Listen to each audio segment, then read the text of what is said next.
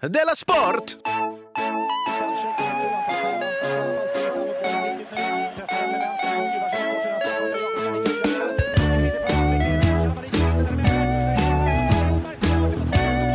Du lyssnar på Della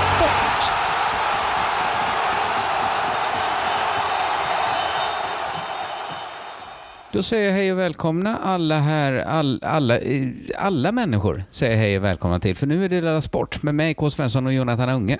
Hejsan. Hej.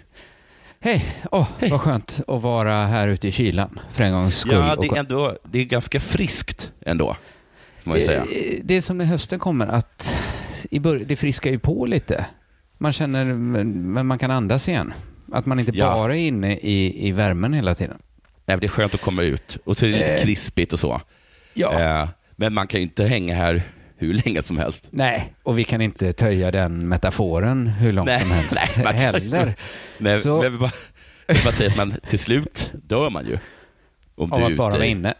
Om man Och bara det är gäller, ute. är, det gäller både inne och ute. Till Ja. slut. Ha, Jag sa det till min dotter, det här... eh, Vi, det finns inga dåliga... Nej, att vi skulle äta det här... Ja, men till slut dör man. Jag sa den här, äta bör man, annars dör man. Ja, Ja. å andra sidan, äter gör man, ändå dör man. Och Jaha, hon precis. blev helt knäckt. Jag Ja. såg det på henne, att hon har inte riktigt fattat vad det är, men hon fattade att om det händer alla så är det inte bra.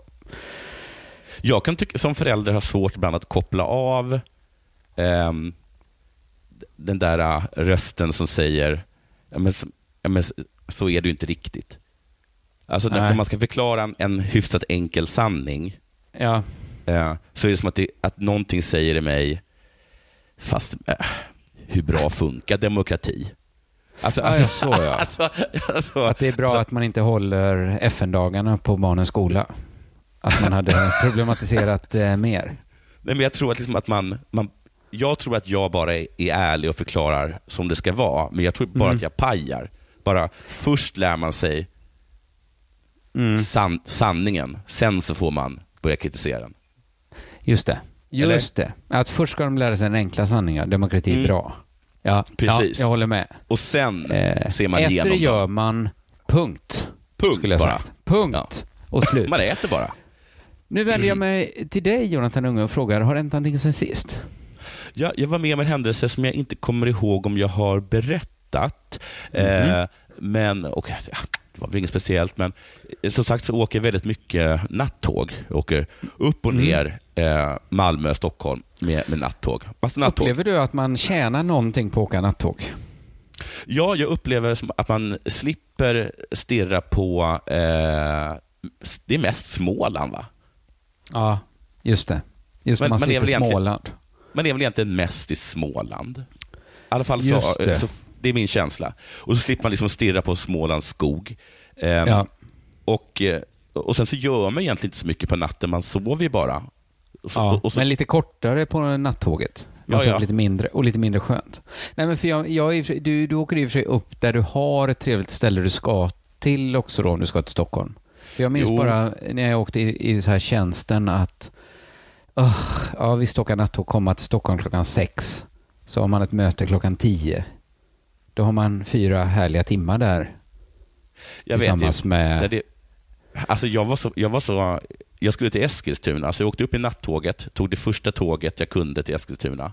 Var Mm. framme i Eskilstuna åtta. Mm. Eh, men då gick jag in till ett eh, hotell och så sa jag, finns det något rum som man bara kan checka in på nu? Och så hyrde jag ett rum för dagen. Intressant. Du sparar ju inte in så himla... Nej, okej, men du åker ju bara för att slippa Småland då egentligen. För många Ja, tror jag åker för att slippa en hotellnatt just.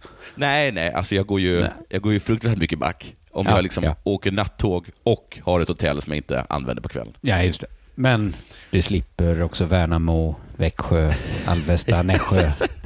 Jag, bara, jag sätter så mycket. Ja, Hur som ja. helst så eh, tog jag nattåget eh, liggvagn, eh, för det är så fullbokat nu för tiden.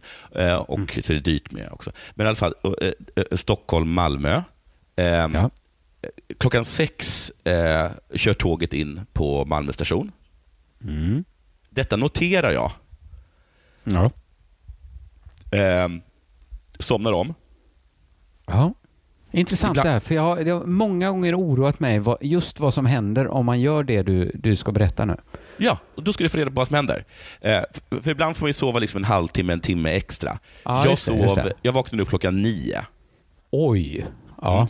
Eh, hoppar ner eh, i lätt panik. Ja. Eh, eh, Nu kan ju tåget finns- vara vad som helst. Tåget kan vara vad som helst. eh, eh, det, det är ingen människa på tåget. Jag öppnar dörren. Eh, jag går ut. Jag befinner mig på en bangård. Aha. Ja, det är ju verkligen vad som helst. Ja, jag ser, vad heter det, jag ser Malmö station långt i fjärran. Och med långt i fjärran menar jag en promenad på en kvart, 20 minuter.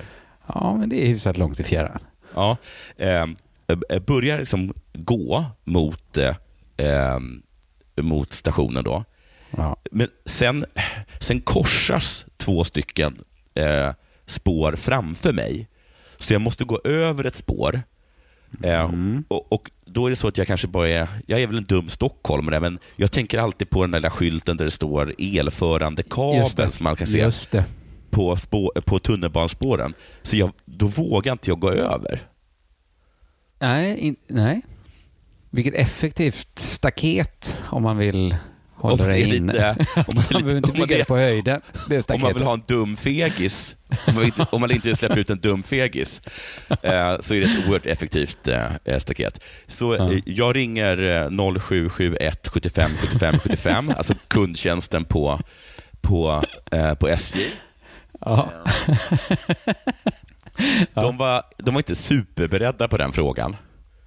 Om Nej, hur för de jag är ska nog vana mig. vid att råda folk att inte gå över spåren. Ja, det är deras go-to-svar. och och då, tror jag, då tror jag ändå att de väldigt sällan får den frågan.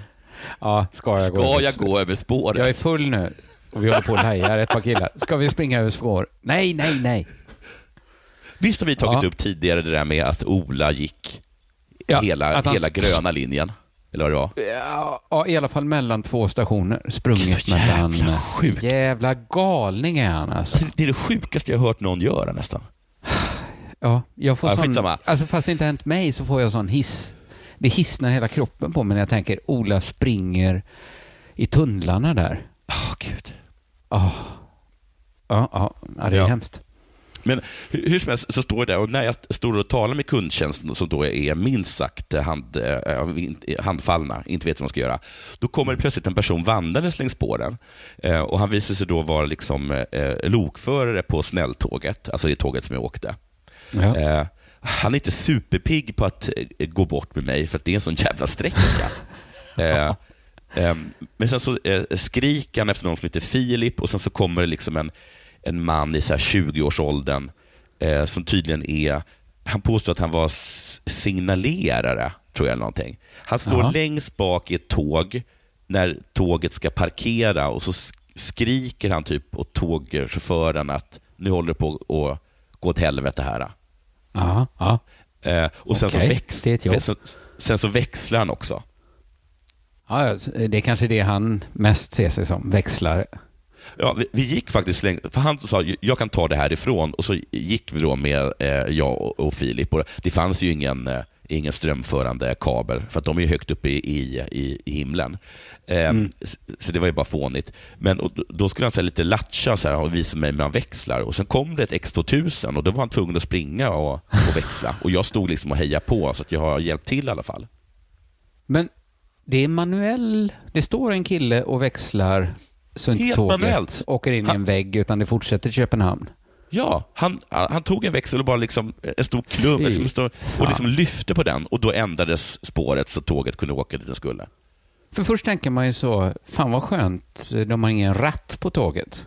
Lokchauffören kan ta det lugnt. Han behöver inte Ja. tänka så mycket. Nej. Nej, för att det står en och växlar åt han. Ja. Herregud. Alltså det berätta- finns ju förarlösa bilar samtidigt. Ja. Men, ja, och, ja, det, sen hans berätta- jobb eh, sitter löst tror jag. jag, tror, också- jag tror också att det När är... de hör talas om AI. Då är det Jag hans tror jobb som Jag tror inte att det behöver AI. Jag tror att det behöver en Nej, sorts jag tror- transistor eller vad det heter. Ett långt snöre eller något. Jag tror att han mest, hans, mest, hans jobb går mest ut på att klippa av de där snörena. Men, eh, eh, eh, men då berättar han i alla fall att alla liksom, alltså snälltåget har sina egna växlare. Mhm. Och, och, Jaha, och liksom för att de är sitt eget bolag liksom? Ja, och Pågatåget har egna växlare, Öresundstågen har egna växlare, Ah. SJ har egna växlare. Det här är som på 1800-talet när det fanns så 20 brandkårer som tävlade mot varandra. Ja. Och bara stod och slogs när det brann. Ja, ja, just det. Eh, Sen tog man, han i alla fall eh, mig till en grind där man behövde liksom ett, en specialnyckel och ett specialkort för att kunna öppna. För det är liksom jätteviktigt att man inte vem som helst kan ta sig in på en bangård. Nej, liksom börja- som, fast det fanns ju ett sätt att komma in som var ganska enkelt. ja, bara, att bara, bara att sova bara lite. sova kvar. Ja. Ja. Ja, och, sen, och sen så var det en stor skylt med så här, där det stod skyddsområde. Hmm. Men sen visade att han hade ju varken, han hade varken den där nyckeln eller det där kortet. Nej. Men allt man behövde var ett, eh, var ett eh, lånekort från Malmö eh, stadsbibliotek. Så bara tryckte man in den i en liten glipa och sen så eh, ja. kunde, man, kunde man ta sig in. Så om ni någonsin behöver liksom gå in där på bangården och växla skiten ur, ur SJ och så, så ta, bara, ta bara med ett, liksom ett lånekort från Malmö stadsbibliotek. Ja, ja. Just Mm. det. Ja, vad, vad sjukt allt det här är. Vad, vad Ja, sjukt sen- allt du berättar är, måste Ja, det jag är säga. knäppt. Men sen, och så Mm. bara lite fort ska jag bara jättefort berätta. Jag tog min dotter idag till, vad heter det, ehm, eh, till hennes fotbollsträning. Mm. Och Då följde en av hennes kompisar med och eh, hon skulle liksom vara med och bara pröva på. Och Då såg jag liksom, eh, interaktionen mellan det här barnet och fotbollstränaren. Och alltså Ja. den här fotbollstränaren. Alltså, han var så jävla... Alltså, de har ju bara eh, blivit utsatta för liksom jättesnälla, ganska mesiga typer. Ja. Eh, Det var så här, vill du provspela? Ja, men då kör du hela. Man kör eller så kör man inte. Och, och Hon stod liksom och, och tittade inte på honom. Han bara, du, du, titta på mig. Kör du eller kör du inte? Så är det. Oj. Du kör Får jag ställa en fråga? Ja. Alltså som kan låta konstig, men jag, har, jag backar upp den med fakta sen. Var detta Ja. en svensk? Ja. Ja, för att, okej. För att jag, jag var med om det här, snälla, snälla, snälla, Ja. fram till min lillebror fick en rumänsk handbollstränare. ja. Då var det andra bullar. Jag förstår Då exakt vad du menar. bullar. Men, men, det, men det här var då, då har jag inget case så att det är invandrare som kommer hit och kör skiten ur våra barn. Nej, det finns bara två riktiga, två sorters riktiga män i det här landet. Och det är liksom eh, invandrare och eh, Och den här killen. Ja. Ja. Fotbollstränare för tjejer, åldern 7 till 8. Gud vad rätt han hamnat. Han var, han var underbar. Har Ja. det hänt något sen sist eh, själv? Mm, ja, nu är det ju tredje gången jag får den här frågan den här Då veckan. behöver inte du eh, anstränga dig. Ja, men jag har ett jättelångt svar. Nej, men det har inte hänt så mycket. Jag såg, eh, jag, jag är på landet nu och där händer ju inte så mycket. Nej. Så jag, jag Vad är landet? Eh, det är Roslagen. Eh, landet just nu i alla fall. Mm. Två rovfåglar har jag sett. Men sen kom jag på något jag faktiskt har gjort. Jag har bokat Scalateatern, stora scenen. Ja. För i år är det Stockholms tur att vara värd för Della Grande. Vad kul. Jag gillar Ja, skalan. Jag älskar Skala. Mm. Och eh, roligt för Stockholm, nu när det inte blev något OS och så, att de ändå fick, de knep Della Grande. ja, men det är ju en lite, det är en inte så liten årlig tradition vi har att ställa till med årets enda renodlade poddgala. Nej, det är det verkligen inte. Scalateatern, Stockholm, den första november. Var Och köper man biljett- biljetter? Eh, in, ingenstans just nu, för jag har inte eh, lyckats. eh, Man var tvungen att skicka in... Först blev jag så himla arg. De sa så här, skriv ut det här kontraktet och skriv under och skicka in. Så tänkte jag, ah, va? Va? Vi mejlar ju. Men så kom jag också på att det är också en jättedyr... Det är helt rimligt att man skriver ett kontrakt och skickar in. För det är ju jättemycket pengar. Jag har bara aldrig gjort det innan bokat en så. Det är alltid Simon som gör det. Är det, är det så här elektroniskt eh, eh, kontrakt som man kan så Nej, signera? Tror inte det. Nej, Okej. nej. Det är okej, det hade de kanske kunnat ta då. Mm. Ja, men nu lutar det åt att eh, det kanske blir så att vi gör ett avsnitt av Della Pappa och ett avsnitt av Della Her Story då inför publik på Della Grande. Fan vad kul. Det är ju två av våra mest älskade poddar. Det blir ju hur roligt som helst. Och vad duktig Eh, du är. Ja, tack så hemskt mycket. Det är ju, inget som har, det är ju något mer något som kommer att hända senare. Mm. Men eh, en annan grej, då, apropå Della Hör Story, så är ju Ja. där, det ska jag också säga nu innan jag kommer in på det som hänt då. Det är ju där man hittar Della Morta nu för tiden. Våra Ja, sommarvikarier som har blivit, inte sommarvikarier, utan ordinarie killar. Eh, alltså, de ligger nu i Della Hör Story-feeden.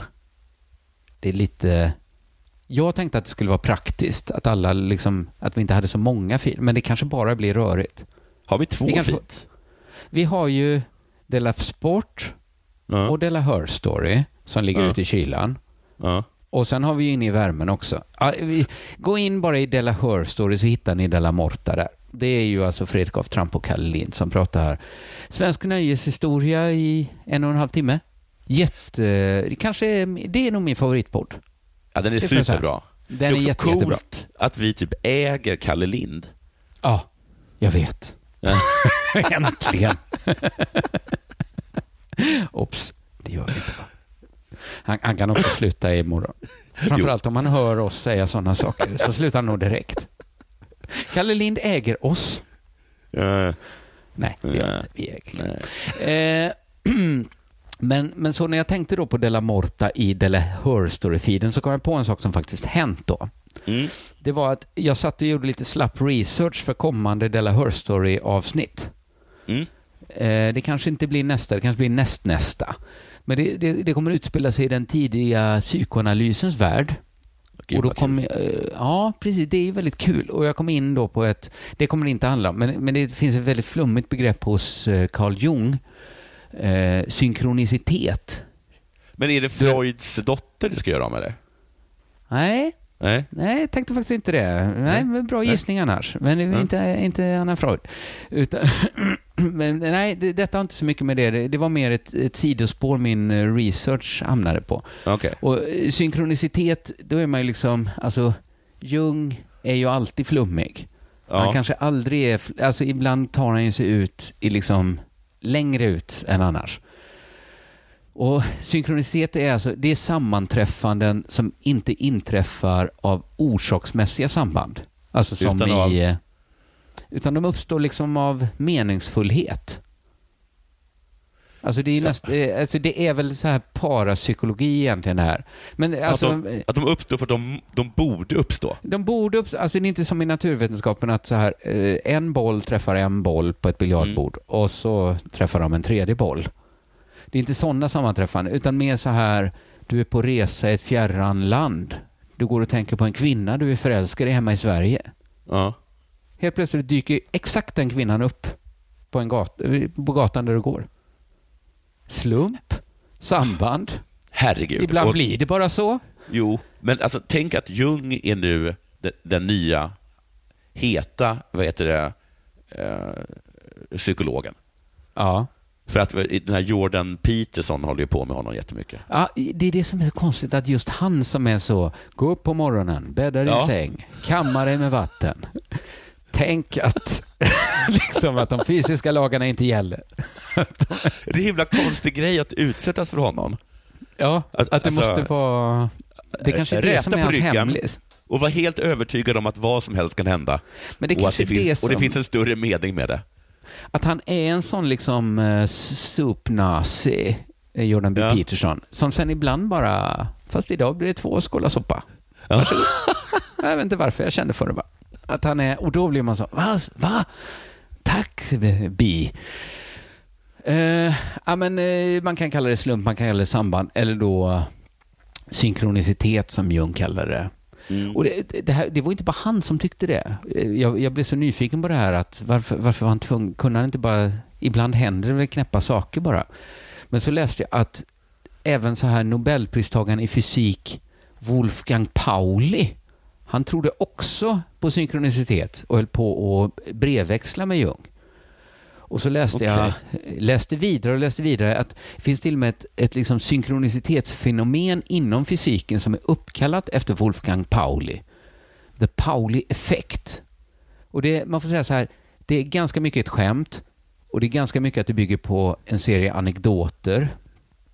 Men, men det säger liksom att varje gång Wolfgang Pauli var i närheten och de skulle göra så här svåra tekniska experiment, eller fysiska experiment, Ja. så blev det alltid, alltid, alltid massa tekniska strul med experimentapparaturen. Det funkar alltid när Paul inte var med, men när han kom in i rummet så bara slutade allt funka.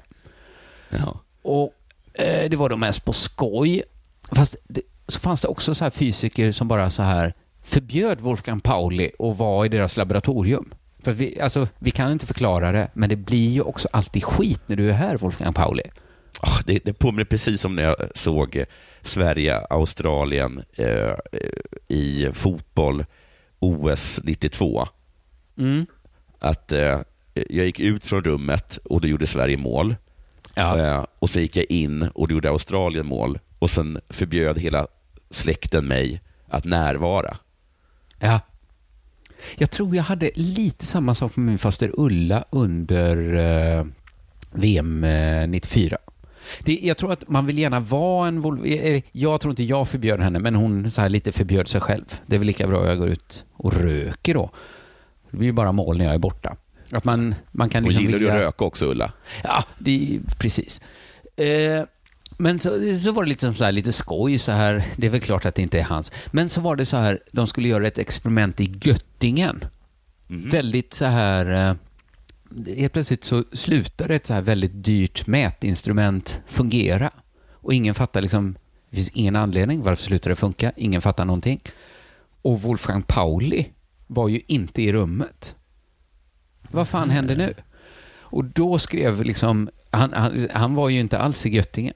Och då Nej. skrev liksom chefen för institutet så på skoj ett brev till eh, Wolfgang Pauli och sa att den här gången Wolfgang Pauli, så nu är ju i alla fall du oskyldig till att maskinerna bara eh, la av och pajade. Ja. Och då visade det sig att precis när apparaturen slutade funka så hade Wolfgang Pauli suttit på ett tåg till Köpenhamn och bytt tåg i Göttingen precis när maskinerna la av. ja, det ser man. Lite läskigt, kanske lite kul, kanske ingenting. Kanske finns det synkronicitet, kanske inte va? Men jag vilken, var ju då... eh, vilken minusmänniska. Ja, det får man säga. Men så Ja. fick han Nobelpriset också. Det vägde väl kanske upp lite. Ja, okej. Han var ju smart på andra sätt, men han hade ju en enastående förmåga att få apparatur att lägga av. Och hur, vad, vad hände dig som har med det här att göra? Jo, precis. Jag har ju varit med om en, en synkronicitet då, va? När jag lyssnade på Della Sport. När du och Simon Chippen Svensson gjorde det senast. Ja, Då sitter Simon Chippen Svensson, va? ja. och berättar att han under sommaren börjat intressera sig för bunden vers. Han har börjat läsa Iliaden. Just det. Det går en rysning genom hela kroppen på mig. För vad har jag hållit på med hela sommaren? Läs Iliaden. Nej, bunden vers. Det är, så det är ingen supersynkronicitet. Men, men jag tänkte så här, vem ska, jag tänkte, men jag tänkte med när jag satt med det så här, vem ska jag prata? Ingen annan är intresserad av bunden vers nu för tiden. Vem ska, jag kommer aldrig hitta någon att prata med. Och så bara hör jag Simon säga, jag läser Iliaden. Så jag skrev till honom så här, Hur, vad, vad, gillar du den här daktyliska hexametern? Bla, bla, bla, bla. Han, han tyckte inte så bra om den. Va? Men, men det är verkligen det enda jag har hållit på med. Fast jag skriver i jambisk pentameter då va. Är det inte konstigt ändå att vi är tre som gör en podd. Två börjar helt plötsligt med bunden vers. Och det sjuka är väl, ändå att det, att det är Simon som gör det.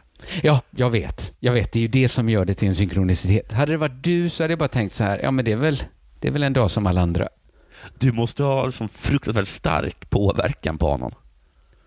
Ja, men han visste inte ens. Och dessutom, han har ju börjat med fallande versfot. Jag har ju sti, jag kör ju jamber va. Han kör ju bara daktyler och trokéer. Kan Så det är du... ingen supersynkronitet. Nej, men kan inte du imorgon eh, sätta dig och börja läsa lite så här platt tysk lyrik? Och nu, alltså innan podden kommit ut så Simon ska inte... Nej, jag ska får inte göra det i natt då. Ja, du får göra det natt. Googla platt tysk lyrik, sätt dig och läs och så får Ja. vi se vad fan den där galningen kommer- tar sig till. Ja, då kommer han med någon... Han kanske inte blir exakt plattysk då. Men Nej, men det tyckte kommer vara något, något knäppt kommer det vara. Håren reste sig ändå. Men vet, Ja. du vad som, vet du vad det sjuka är? Att jag har Nej. fått sån himla självförtroende med jamberna. Så jag, jag har, alltså det är allt jag har gjort hela sommaren. Skrivit, Är det svårt eh, att skriva det? Jag skulle säga att eh, jambisk pentameter, alltså blankvers, det är väl kanske den enklaste eh, bundna versen. Får jag säga. Men vad är hexameter då? Jag hade för mig att det var skriven på hexameter. Hexa, eh, ja, Iliaden är ju det. Men det är ju en, Ja, fallande, är det. det är en Okej. fallande versfot. Ja. Alltså, eh, eh, blankvers är mer, det är mer liksom, alltså det är Shakespeare och sådär. Det är lite modernare. Ja, ja, okej, men du har suttit så här och, och, och tänkt jambe, det är för idioter. Igen, jag har känt det liksom. Ja. Att jag sitter ju och kör med idiotversfot. Jag blev också lite sur när Simon satt med hexametern. Ja. Men, men jag har fått sånt himla självförtroende så att inte nog med att jag bokat Scalateatern för Della Grande. Nej. Jag har också bokat Scalateaterns stora scenen för att jag ska sätta upp mitt stora blankvers-epos där. Fy fan vad coolt. Är det coolt? Eller är det galet? Nej, jag, jag, kan, jag kan stå i ka- kassan. Ja, okej. Ja, det behövs. Det, det får det jättegärna. 15 december. Och Så är det jag, premiär för, för, för mina övningar i blankvers. jag köper hela Ah. första raden själv. Ja, Det ska bli så pinsamt om det kommer ju se bäst ut som ingen har kommit. Fan vad coolt. Men jag blir jätteglad ändå. Men det var... ja, vi har, vi har tänt på begreppet coolt. Men det kanske är, kanske blir, kanske är bunden vers det, det nya. Vi har ju i alla fall två av tre i Della-gänget har börjat. Och så vet vi inte hur det är med, med Trampe och Kalle. De kanske alltid har hållit på att skriva Ja, pentameter och sånt där. Jag ska börja skriva limrikar. Ja, det tycker jag. Jag tror du har varit väldigt duktig på det. Mm, tack. Nu är det dags för det här.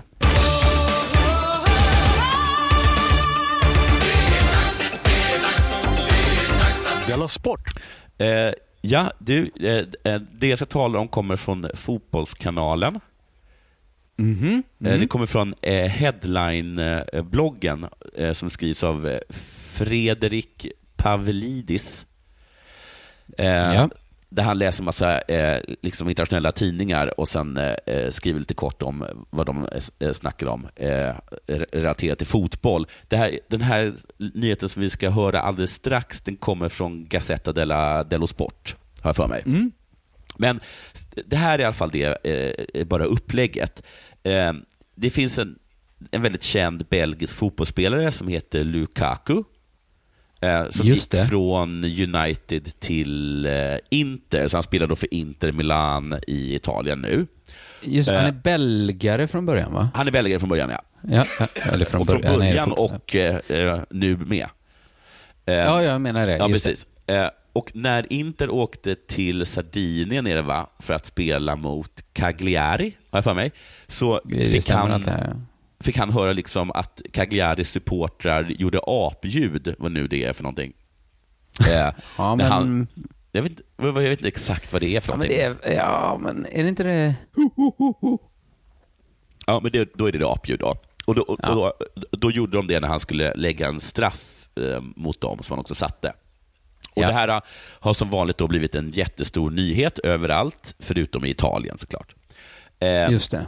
Men häromdagen så gick Inters liksom, eh, ultras eller hardcore-fans eh, ut och eh, uttalade sig om den här händelsen. Och De skrev liksom ett öppet brev och det här som jag kommer läsa nu är eh, eh, några liksom utdrag ur det öppna brevet. Ja. Och Då står det så här. Du har fel, det är inte rasism. Eller, eh, Lukaku hade då eh, hävdat att det var rasism. Ja, Eh. alltså, det var inte fel att göra apljuden, utan det var Nej, att, Lukakus... att han påstod att, det var, att han blivit utsatt för rasism. Det var det som Ja, var fel. ja, jag fattar. Ja, Du har fel, det är inte rasism. Du måste förstå att Italien inte är som andra länder i norra Europa där rasism är ett verkligt problem. Se attityden för italienska fans som ett uttryck för respekt, för att de är rädda för dig och, att de mål du kan, och de mål du kan göra mot dem. När du framhåller att rasism är ett problem som måste bekämpas i Italien så bidrar du bara till repressionen mot alla fotbollsfan, inklusive oss! Utropstecken. Ja, det är Eh. kaxigt. Det är Ja, det är kaxigt. så jävla kaxigt. Det är så Jag kaxigt att jag... gillar det på något sätt att Alltså, vara är så nästan, kaxig. Ja, det är nästan så att man måste tycka om det. Men det är verkligen att gå ut hårt med ett par i två år. Ja, det, det, det, att gå, det att gå få ett par i två år på liksom eh, första i, i given och gå all in. Och det ligger, alla de bra korten ligger uppe. Och nästan så att man också visar att man har par i två år. Man vänder upp dem och, skjuter in. Alltså, det, det, var, det var så kaxigt, jag höll på att ramla av, jag höll på att ramla av stolen. Ja, det är sällan man hör Hur sån vågar kaxighet. italienare gå ut och hävda något, något sånt? Är, är, det- är inte det de mest så här, av, rasistavslappnande äh, människorna Man i hela det. världen? Man trodde det, ja. Men... Där, det, Italien är det landet där liksom ingen någonsin har ens tänkt på att, att huruvida det heter negerboll eller... Nej, nej, nej, chokladboll. nej. Nej, precis. Ja, Eh. De är väl tokrasistiska bara liksom eh, på, ett nästan charmigt sätt. Ja, precis. Att det är så man liksom tacklar den italienska rasismen. Att man tänker att det är, det är sån, det är sån, vem är jag att säga? Det, fast det kanske går hela varvet runt lite att det blir sådär, att till slut blir det inte rasism då. Fast det blir lite rasism. Fast det blir lite rasism att göra apljud till en svart kille ska skjuta straff. Jag håller, Ja, men ja, man kan inte det- säga att det går. Det blir inte så hästsko som... nej, nej. De har ändå liksom så här, eh, de har ändå politiker som går ut stenhårt och snackar skit om svarta och senare. De har också Ja.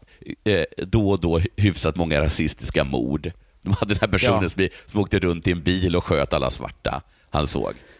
Ja, om man Så- tänker att rasism finns överallt så finns det ju också i Italien. Men hur kan de, hur kan de, hur kan de ha mage? Alltså det, det, ja. det, det, ja, men jag tycker, någon det är står med en ord. svastikabindel och helt övertygad påstår att den absolut inte är nasse. Men jag Ja, ser nej. ju, jag ser Nej, ju vad du har på dig. precis. Det är också diskussionen. En svart kille har sagt så här, det var rasistiskt när alla ni gjorde apljud när jag slog en straff. Du har fel. Rasism finns inte i Italien. I Italien är- också. Ja, det är väldigt konstigt. Det- det- han är lika gärna- Du har fel. Spaghetti finns inte i Italien. Men Det är kanske i norra Europa att ni har spaghetti. Vi har inget, så här gorgonzolaostar och sånt där, det har vi inte här. men alltså, vad heter det? Jag, jag kan inte fatta om de bara håller på att trolla mig eller någonting. Eller är det så att det finns, att majoriteten liksom av Inters fans, då, eller i alla fall de här ultras, att de på riktigt tittar på nyheterna från liksom vad som händer kanske i de, i de tyska så här, Bundes delrepublikvalen och att nazisterna går framåt och att de, så- att de, så här blir, att de blir oroade över det. Och sen så går de eh, vidare till läktaren och skriker eh, kan- apljud. För det, står ju Kan- liksom att, att, det är liksom, att det är ett problem i norra Europa, så är det ett verkligt problem. Liksom. Det, finns, Alltså- det finns ett problem med rasism, bara ja, inte här. Liksom. och det är i Sverige. Ja, exakt. Ja.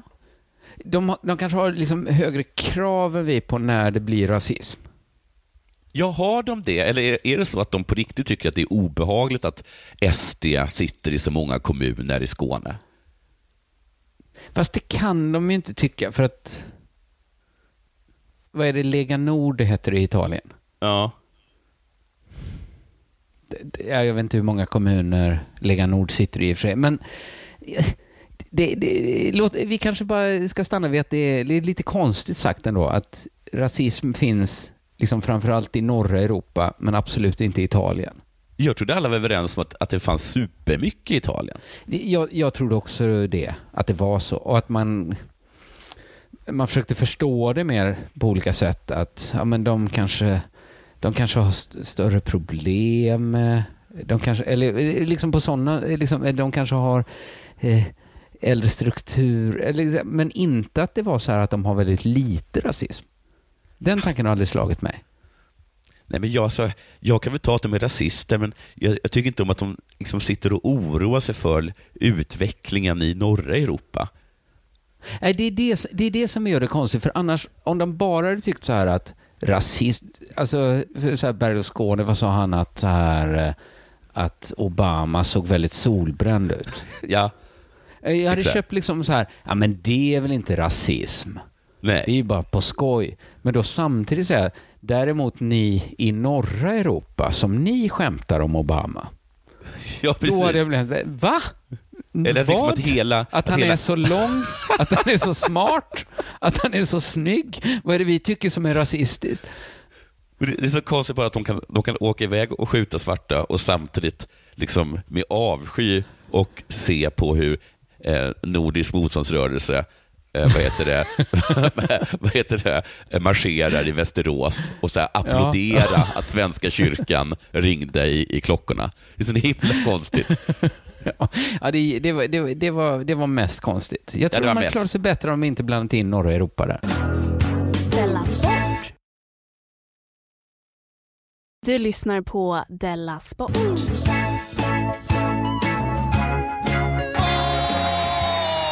Jag har en liten grej om handboll och alkohol. För tydligen Ja. är det så att det är väldigt svårt att få tillstånd att servera alkohol till handbollspublik. Det Jaså? visar en enkät som eh, Radiosporten gjort. Jag tycker det är så himla Eh. konstigt att det är så himla många arenor som är så inriktade på en enda sport. Ja, Ah, ja. handboll kanske är undantaget. Att det är ibland inomhusfotboll, ibland är det volleyboll, ibland är Ja, handboll. ofta innebandy tror jag. Ja, så kan det vara.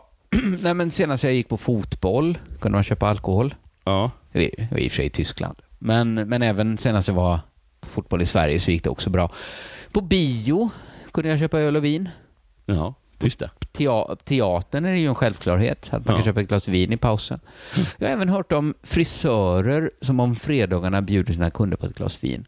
Jag, Men- jag har råkat ut för det. Mm. Det kan tänka mig. Mm. Men handbollen då verkar vara lite av undantaget där den, den här liksom moderna gränslösa inställningen eh, liksom upphör. I, I alla fall när det kommer till pöben. För att den här enkäten då visar också att nästan alla handbollsklubbar serverar öl till sina VIP-gäster. Det får vi ändå vara tacksamma att de gör va? Ja, men gud vad fult. Ja, det är fult. Men också vilken usel VIP-loge annars. Ja. Men det, det blir ju väldigt fult, ja. Att det är de där uppe. Också hur många människor har en, har en VIP-loge på en nej, inte alla. Nej. Nej, det blir ett väldigt smalt segment av befolkningen som är VIP handboll. Men de finns. Samtidigt då väldigt, väldigt svårt att få tillstånd att sälja öl och vin till vanlig publik. Och problemet verkar vara kommunpolitikerna. Politikerna. För de tycker då inte att idrottsverksamhet går ihop med alkohol. Och framförallt inte då om man är en kommunal lokal. Mhm. Så då har liksom diskussionen kommit att handla om det verkligen är idrott och alkohol som blandas. Om man sitter på en handbollsläktare. För det är ju inte idrott att titta på idrott. Nej, det är ju inte idrott. Det är ju ingen idrott. Nej. Och det är ju de som tittar på idrotten som ska dricka ölen. Är ju tanken i alla fall. Ja. Så frågan blir ju liksom då, var slutar idrotten? Och var kan alkoholen få börja? Ja, För på, precis. plan, på planen är det ju idrott. Så Ja. där kan man inte sälja alkohol. Men någonstans slutar ju alkoholen. Och frågan blir då, är man för nära idrott om man är i samma lokal som idrott pågår i för att kunna dricka öl? Är det liksom att de som håller på med idrott då skulle bli alltså, lite så här avundsjuka? Jag tror inte Jag tror det handlar liksom om nästan eh, att man har alltså, vissa lite heliga idéer om att idrott ska vara väldigt rent. Ja, men det är det ju också. Alltså, jag har väldigt sällan sett en full handbollsspelare på plan. Ja. Vi kommer till det. Ja. Vi kommer till det. Ja, men, eh, kommunpolitikerna tycker i alla fall då, i, i de allra flesta fallen att man, vissa börjar ändra sig nu då, men, men att är man i närheten av där några utövar idrott så kan man liksom inte kontaminera den här rena upplevelsen genom att dricka alkohol. Nej, nej. Men ha- handbollsligan har då argumenterat för att jo visst, det pågår idrott i lokalen, Mm. men det här är ju ett arrangemang. Ja, precis. Är Vad är ett arrangemang utan alkohol? Vad är ett arrangemang egentligen? Som kärlek utan kyssar.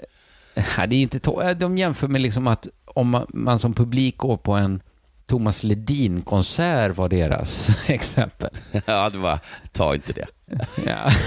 Men det, det kändes kanske som typiskt handbollsligan. Det är dit tanken går direkt. Att skillnaden där är liksom, som- för publiken är att han sjunger, de spelar handboll. Tog de på riktigt tittar Thomas är- Ledin? De tog på riktigt Thomas Ledin. Men konstigt ändå. Och att då, ja, eller är det det? Nej, men bara liksom eh, kom på någon som, som kom på någon som gör musik. Hade varit, jag tycker det varit jättepinsamt om man hade valt något smalt för att verka häftiga. Ja. och liksom missat med flera år. Tänk att du är på en Frans Ferdinand-konsert. Ja, ja, ja. ja, men då tycker de liksom att lika lite som folk på en Thomas Ledin-konsert står och spelar bas, va? ja. Lite, lite, lika lite spelar ju handbollspubliken mittnia. Jo, jo, så, De så är det, är på ett arrangemang. Ja. Ganska småintressant diskussion tyckte jag. Spontant kände väl jag då att det kanske är kommunpolitikerna som inte har ett case. ja, de har ju inte det. Nej, de har inget, framförallt eftersom så många andra sporter tillåter alkohol också. Ja. Så det är inget supercase på något sätt. Men då så började jag googla handboll och alkohol när jag ändå höll på att söka lite på det här ämnet. Och då hittade jag en artikel som jag tyckte var väldigt intressant som handlade om att just blanda alkohol och handboll. Som jag, absolut, jag, hade, absolut, jag, jag tar bara upp den för att jag hade aldrig hittat den om det inte var för den här eh, enkäten. Då. Mm. Det, är en, det är en intervju i Sportbladet från 2011 Ja. eh, med just då supertalangen Linus Arnesson. Ja. Eh, rubrik, Jag kom full till VM, var rubriken. Var det så att han, spelade full hela tiden och det som gjorde att han kom till VM? Eller anlände han till VM full? Anlände till VM för. Vi ska se, vi ska ta oss igenom artiklarna. Linus Arnesson såg som Sveriges mest lovande niometerspelare. Mm. Debuterade i elitserien som 17-åring. Blev elitseriens yngste lagkapten, kom femma i skytteligan. Samtidigt som han hade ett djupt alkoholmissbruk. Okej. Alltså jag blev ändå fascinerad över det här. För att alltså, jag, jag har i alla fall hört, det, det, finns, det finns en eh, film som heter Successful Alcoholics som är väldigt bra. Alltså, alltså det, det är ju ett uttryck liksom att vad mycket man kan klara ändå att vara en galen alkoholist.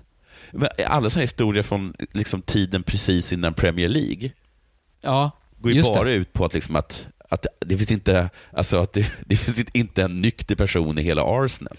Nej, men då, då bygger det ju på att alla är fulla. Ja, För, för man har ju tänkt så här att visst, fan vad sjukt mycket Churchill kunde dricka och ändå liksom driva världskrig. ja.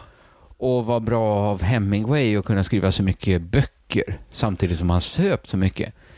Men det Ja. är ju ändå något annat att supa samtidigt som man är elitidrottsman och de andra inte super.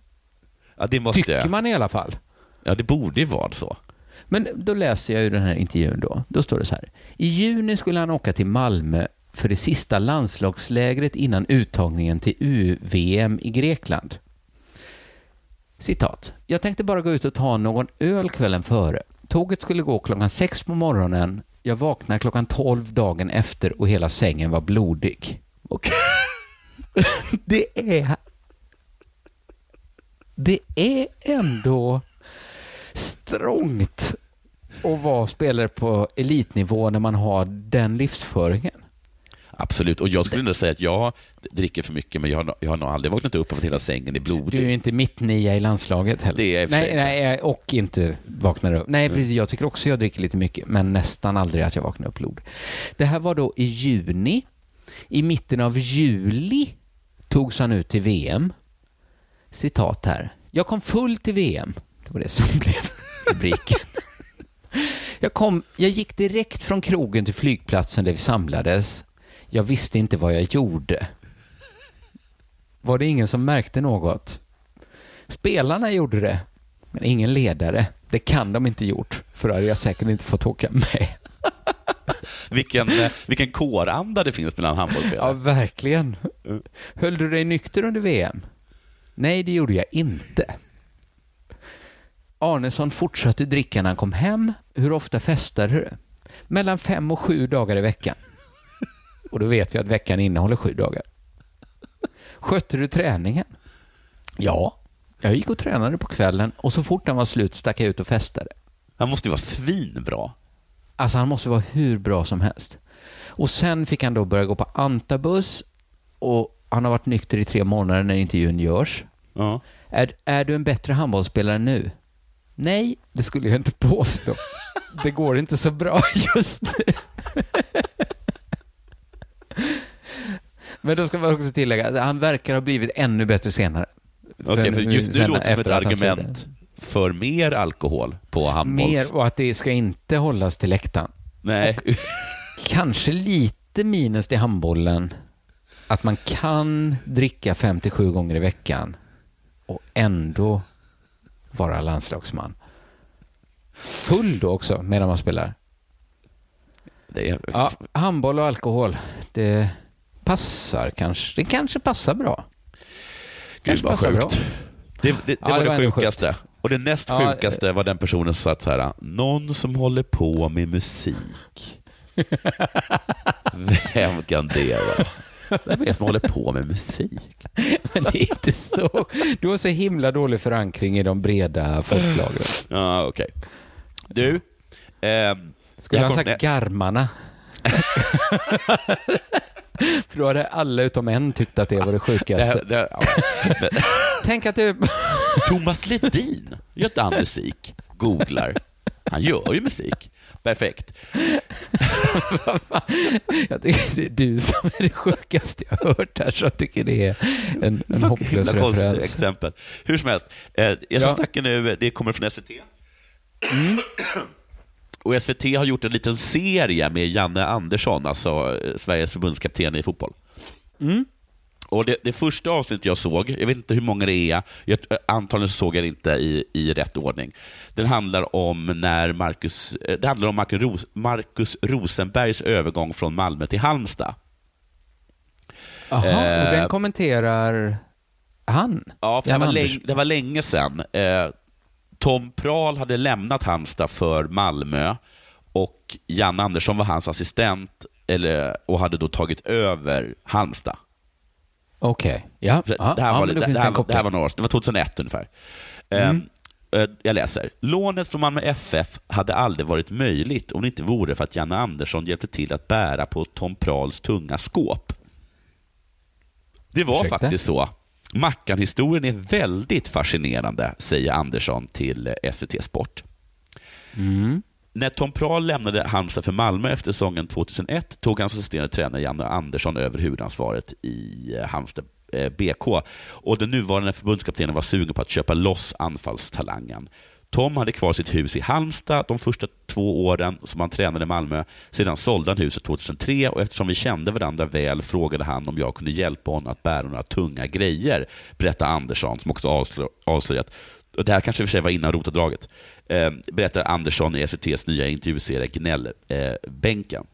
Eh, eh, Ja, ja, ja. Man hatar Tom Prahl just nu känner jag. precis. Oavsett lån- Ja, rotavdrag. jag, jag, låna eller, jag vill låna eller köpa loss honom, men Tom var inte riktigt säker på om han ville släppa honom, alltså Marcus Rosenberg.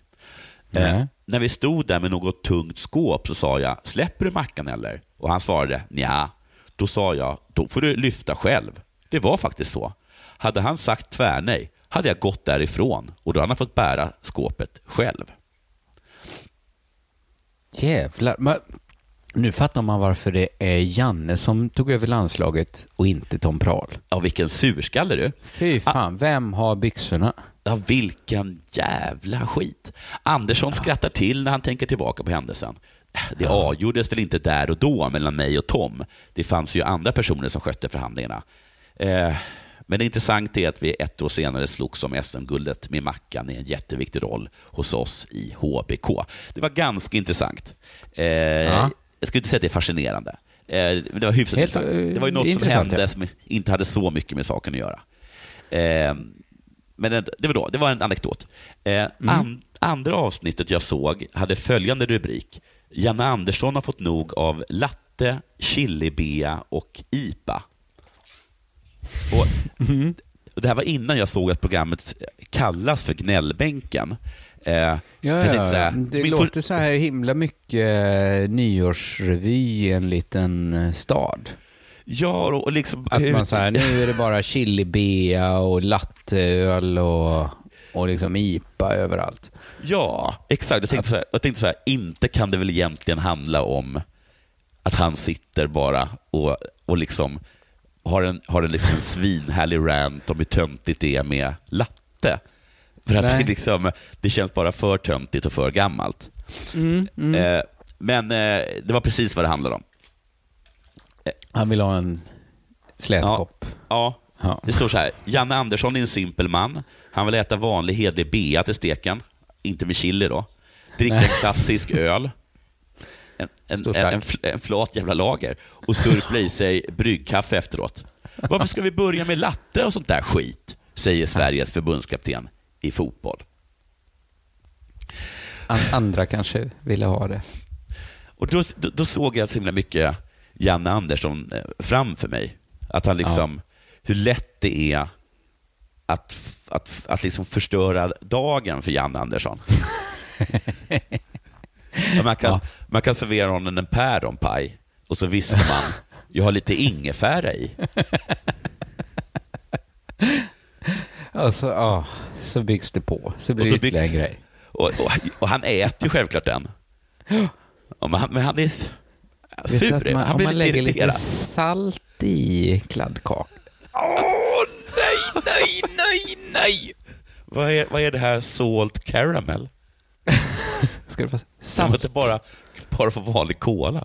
kan ni lika gärna slänga i Sen, tänk, sen tänkte jag liksom massa olika... Jag kunde inte sluta tänka på Janne Andersson olika situationer som inte är superjobbigt, men som, som, som inte är så som Janne vill. Att det kommer Ja. fram någon och, och säger, vad heter du då? Jag heter Erik. Erik, vad trevligt. Ibrahimovic. Okej. Han är, inte, han är inte arg. Han är inte arg. Det är inte det. Jag tycker bara liksom, varför det ska vi inte ännu liksom. Lundholm?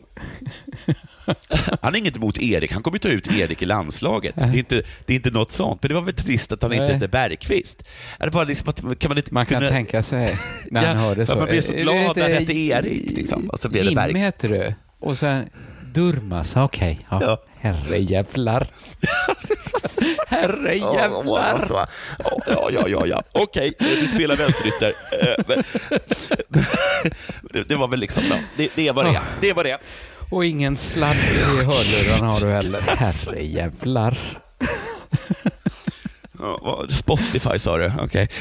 Men, eh, det- Ingen har en Walkman längre. Men vad heter det?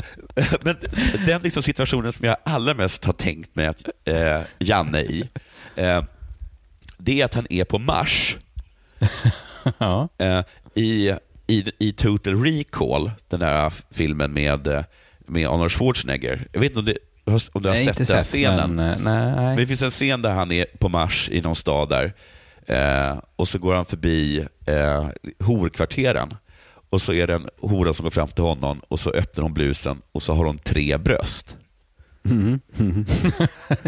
och där kan jag verkligen tänka mig Janne. liksom. Visst ska man tänka så här, han går dit, han ska bara ha, eller hur? Ing, rakt upp och ner, inga problem. Eh, Inget tjafs. Han, han ska bara Nej, ha nej, nej. eh, Han ska ha en kvinna. liksom. Det kommer fram, eh, den personen bara eh, visar blusen, tre bröst. Nej. Okej då. Helvete. Ja, okej. alltså, man vet inte om man ska skratta eller gråta. Men, ja, ja, ja, ja, ja, okej. Jag var ute efter någon med två. Men, okej. Eh, ja, det, det, är, eh, det är bättre. Ja. ja. Två, två, två bröst var det som jag ville ha, men eh, skitsamma.